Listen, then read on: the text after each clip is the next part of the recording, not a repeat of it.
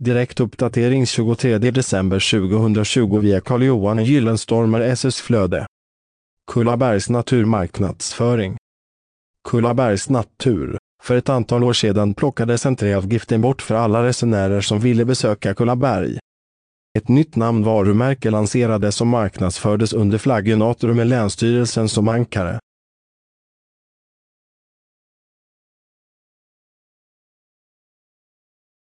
Marknadsföringen har resulterat i att djurlivet har drabbats PG och allt folk som vistas i naturreservatet.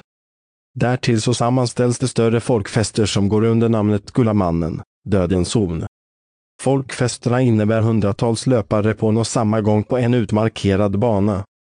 Marknadsföringen av Kullabergs natur har syftet att locka besökare och på besökarna tjänas det pengar. Läs hela inlägget genom att följa länken i poddavsnittet. Källa Google Alerts.